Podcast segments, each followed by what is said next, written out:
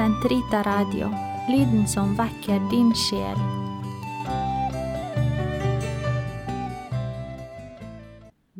Den katolske kirkes katekisme, uke 52, lørdag 2548 til 2550. Jeg vil se Gud.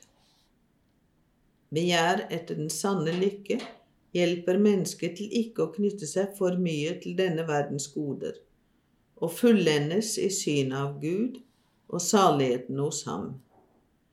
Løftet om å se Gud overstiger all lykksalighet.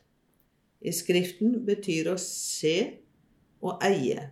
Den som ser Gud, har fått all den rikdom som tenkes kan. For det hellige folk gjenstår det å kjempe, hjulpet av nåden fra oven, for å nå frem til de goder Gud har lovet. For å eie og skue Gud kuer Krist, Kristi troende sine begjær, og med Guds nådes hjelp overvinner de nytelsens og maktens forlokkelser. Inn på denne fullkommenhetens vei lokker Ånden og bruden dem som lytter til dem, og kaller dem til fullkomment samfunn med Gud. Der skal den sanne herlighet og ære være. Ingen skal roses, ufortjent eller smigres.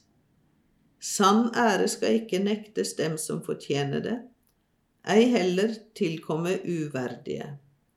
Ingen uverdig skal da heller gjøre krav på det, der hvor bare verdige slippes inn.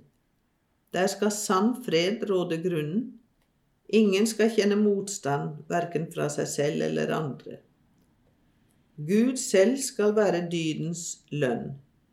Han som ga dyden og lovet seg selv til den som den beste og største belønning som finnes. Jeg skal være deres Gud, og de skal være mitt folk. Levitikus 26, 12. Dette er også meningen med apostelens ord, slik at Gud blir alt i alle. Første kor 1528.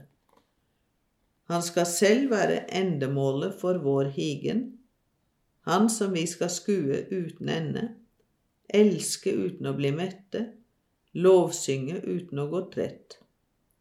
Og denne gave, denne ømhet, denne syssel, skal visselig bli alle til del, aldeles som det evige liv.